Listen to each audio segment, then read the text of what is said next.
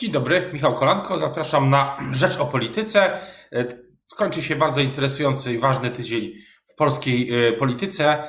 E, I o tym, i o nie tylko o tym e, tygodniu, wydarzeniach ostatnich dni będę rozmawiał z posłem Konfederacji Krzysztofem Bosakiem. Zapraszam na Rzecz o Polityce.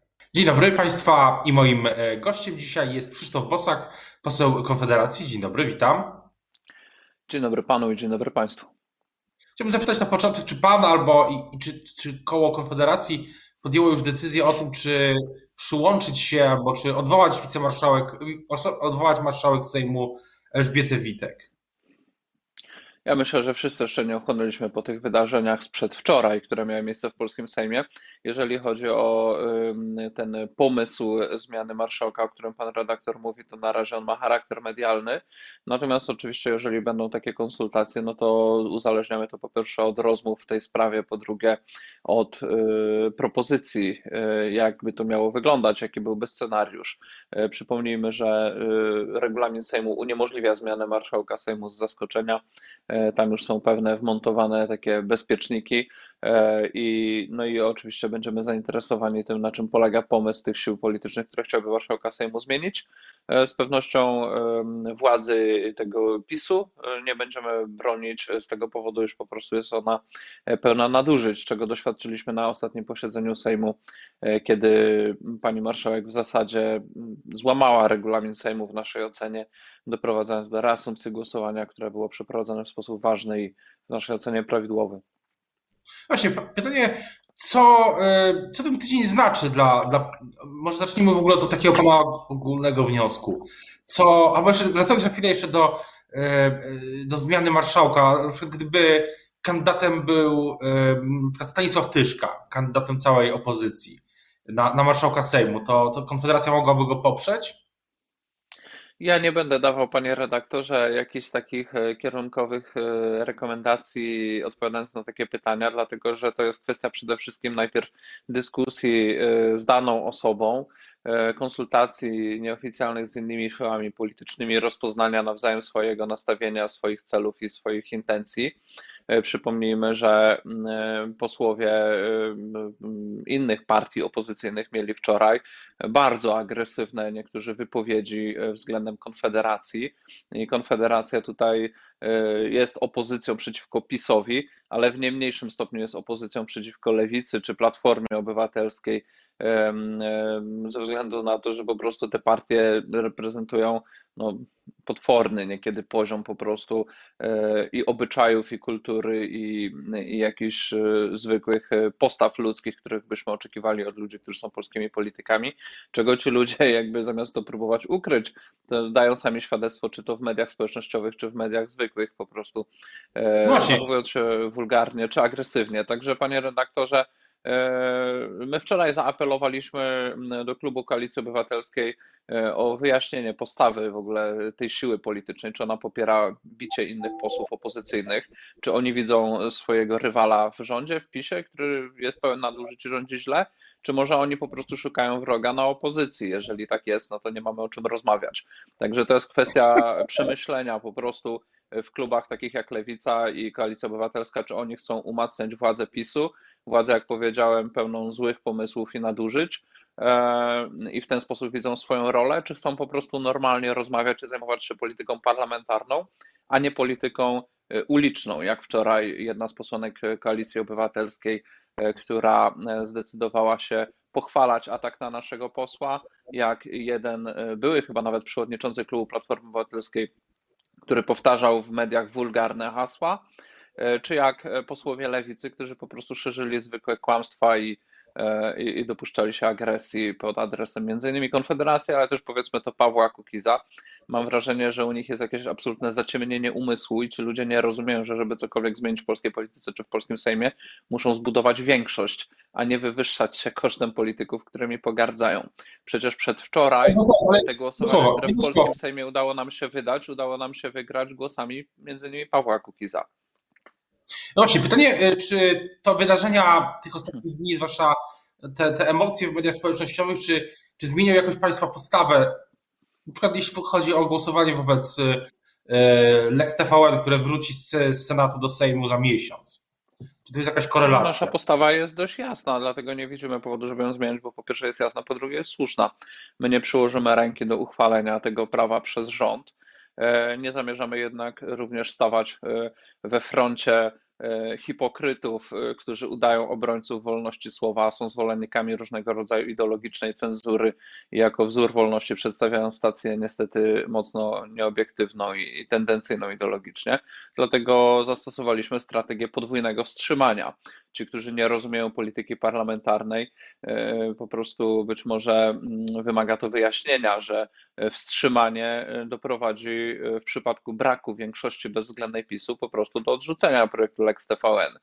E, natomiast z naszej strony to wstrzymanie jest działaniem nie tylko na, e, na brak poparcia rządowego projektu, e, i ostateczne jego odrzucenie, jeżeli PiS nie będzie miał większości, a przypomnijmy, że tej większości jak na razie wygląda na to, że dla tego projektu nie ma i to między innymi od głosów Konfederacji zależy odrzucenie tego projektu i Konfederacja jest zdecydowana i tak zadeklarowała, aby tego projektu nie poprzeć. Mam wrażenie, że politycy lewicy E, Koalicji Obywatelskiej mają jakieś poważne problemy ze zrozumieniem podstawowych pod, zasad polityki e, parlamentarnej, w której e, właśnie odrzucenie weta senackiego, z którym ten projekt do nas wróci, wymaga większości bezwzględnej.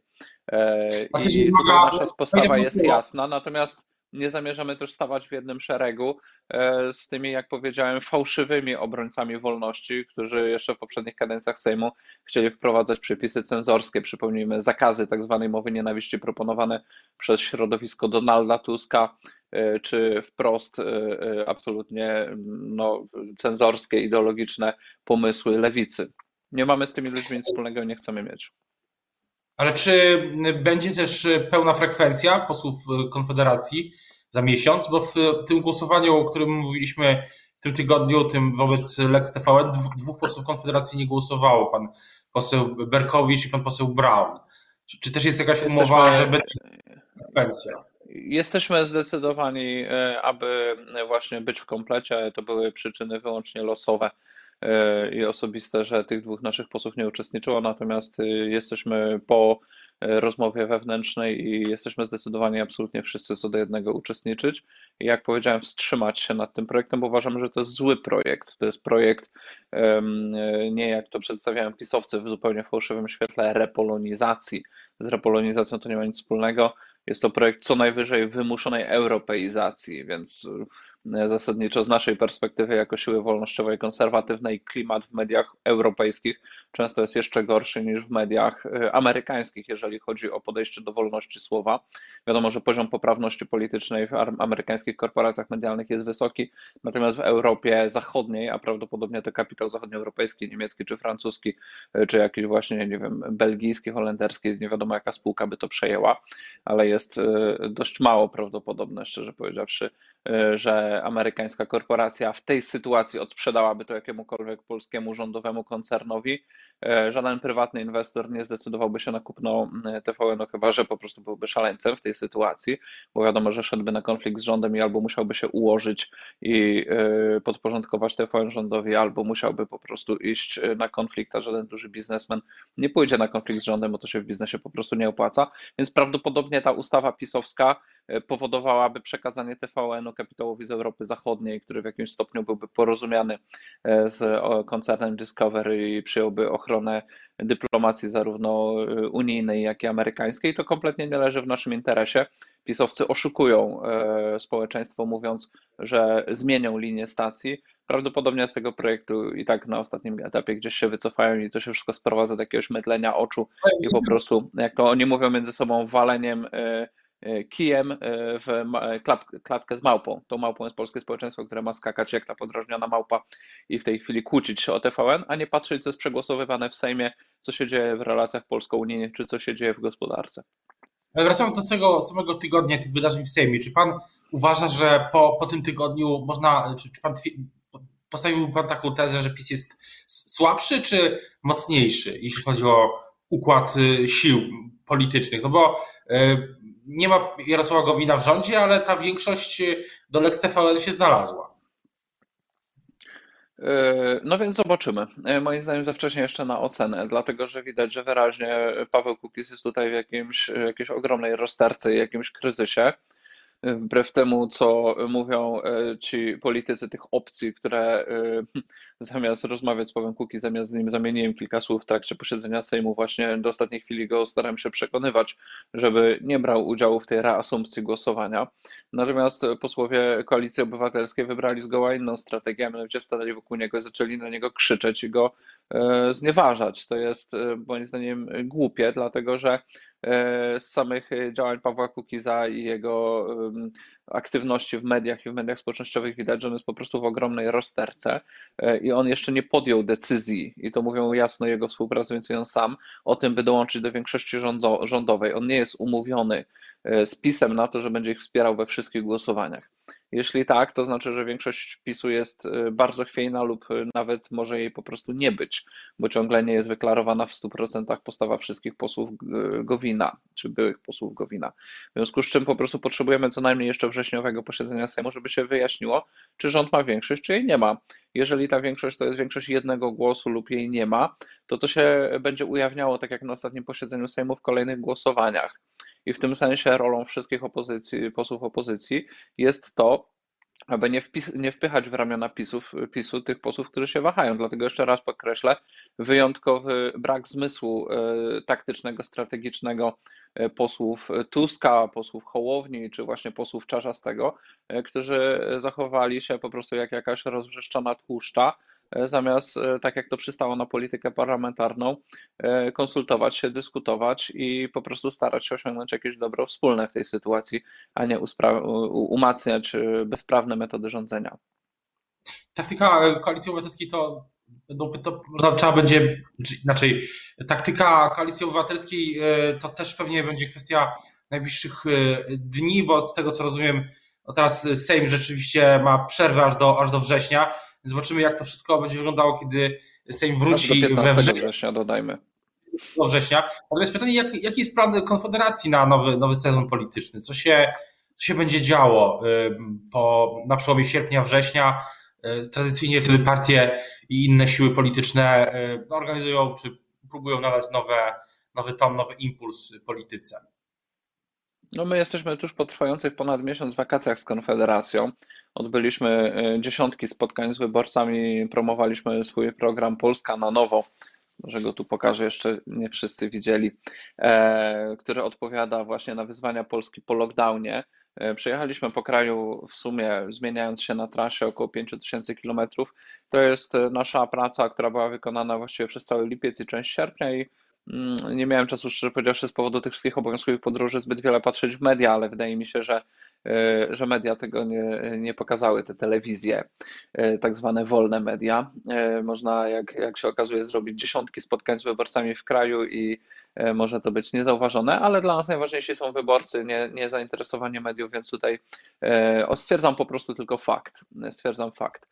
Jeżeli chodzi o nasze dalsze plany, no to oczywiście legislacja. Bardzo dużo ciekawych rzeczy dzieje się w legislacji także polityka międzynarodowa. Widzimy w tej chwili ucieczkę w popłochu Amerykanów z Afganistanu, całkowite zawalenie się koncepcji popieranej przez wszystkie, przypomnijmy, partie polityczne.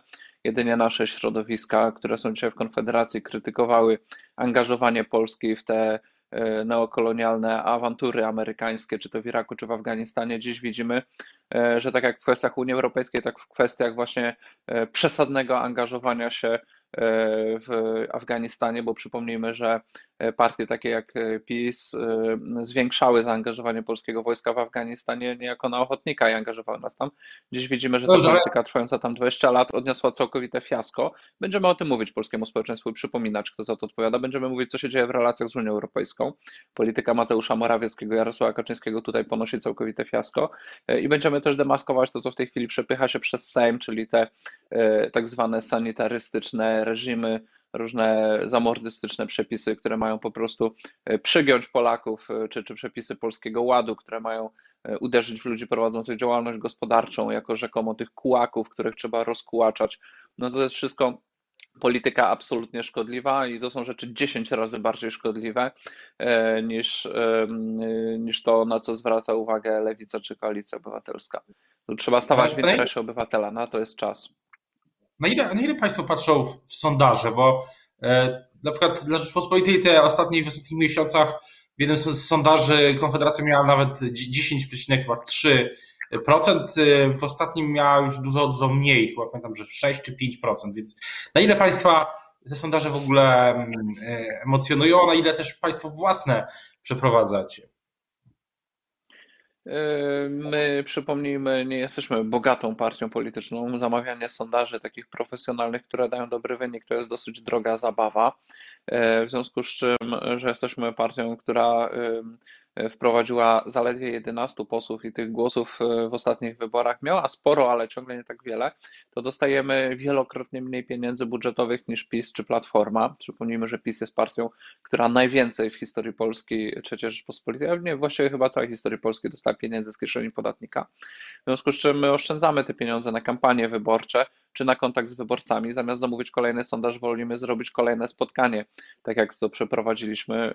Y, widzimy też, że nasi politycy nawet y, za własne pieniądze jeżdżą nieustannie, podróżują po kraju, jak w tej chwili Sławomir Mencen, który gromadzi tysiące osób. Nie wiem, czy to jest pokazywane w telewizjach. Pewnie nie.